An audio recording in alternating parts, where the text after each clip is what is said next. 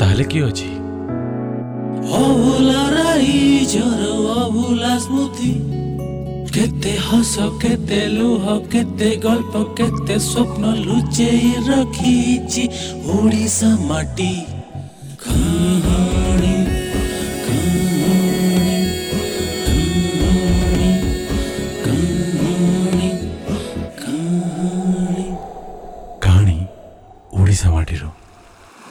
ପୁରୀ ଜିଲ୍ଲାର ଭୁବନେଶ୍ୱର ନିକଟବର୍ତ୍ତୀ ବାଲିପାଟଣା ଗ୍ରାମରେ ପିତା କପିଳ ଓ ମାତା ଗୌରୀଦେବୀଙ୍କ କୁଳମଣ୍ଡନ କରି ସୂର୍ଯ୍ୟବଂଶୀ ଶିଶୁ ଆନନ୍ଦଙ୍କର ଆବିର୍ଭାବ ହୋଇଥିଲା। ଈଶ୍ୱର ଦାସଙ୍କ ଚୈତନ୍ୟ ଭାଗବତରୁ ଯେଉଁ ଜଣାଯାଏ ସେ କୋଣାର୍କରେ ଥିବା ସୂର୍ଯ୍ୟନାରାୟଣଙ୍କର ସ୍ୱପ୍ନାଂଶ ପାଇ ଶ୍ରୀ ଚୈତନ୍ୟଙ୍କୁ ସାକ୍ଷାତକାର କରିଥିଲେ ଏବଂ ତାଙ୍କ ଆଦେଶରେ ନିତ୍ୟାନନ୍ଦଙ୍କଠାରୁ ଦୀକ୍ଷାପ୍ରାପ୍ତ ହୋଇଥିଲେ। ତାଙ୍କ ପ୍ରଧାନ ସାଧନା ପୀଠ ହେଉଛି ଖଣ୍ଡଗିରି।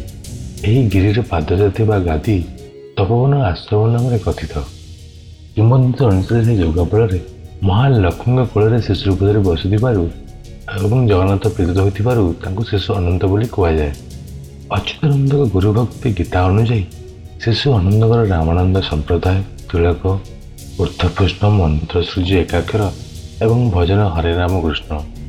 ଏହି ମହାପୁରୁଷଙ୍କ ପ୍ରତିଷ୍ଠିତ ଗାଦି ବାଲିପାଟଣା ସ୍ଥିତ ଶିଶୁ ମଠରେ ପତିତ ପାବନଙ୍କର ଏକ ବିଗ୍ରହ ଅଛି। ଏବଂ ଶୁଣାଯାଏ ସ୍ୱୟଂ ମହାରାଜା ଶ୍ରୀ ଜଗନ୍ନାଥଙ୍କ ଦ୍ୱାରା ସ୍ୱପ୍ନଦିଷ୍ଟ ହୋଇ ସେହି ମୂର୍ତ୍ତିକୁ ଶିଶୁ ଅନନ୍ତକୁ ପ୍ରଦାନ କରିଥିଲେ ତାଙ୍କ ଶିଷ୍ୟମାନଙ୍କ ମଧ୍ୟରୁ ବାରଙ୍ଗ ଦାସ ଓ ହଂସ ଦାସ ଅନ୍ୟତମ। କଥିତ ଅଛି ଗୁରୁଙ୍କ ଆଜ୍ଞାରେ ସିଦ୍ଧ ପାରଙ୍ଗ ସୁଯୋଜନ କରି ପାଦୁକା ମନ୍ତ୍ର ସିଦ୍ଧଲାଭ କରିଥିଲେ।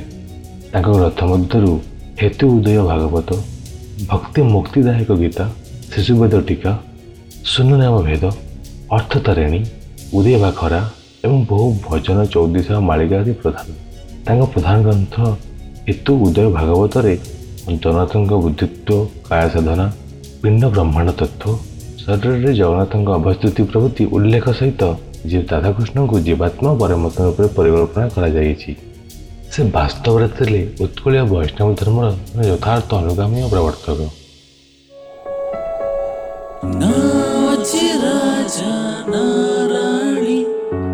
ତାହେଲେ କିଏ ଅଛି ଅଭୁଲା ରାଇଜର ଅଭୁଲା ସ୍ମୃତି କେତେ ହସ କେତେ ଲୁହ କେତେ ଗଳ୍ପ କେତେ ସ୍ୱପ୍ନ ଲୁଚେଇ ରଖିଛି ଓଡ଼ିଶା ମାଟି କାହାଣୀ କାହାଣୀ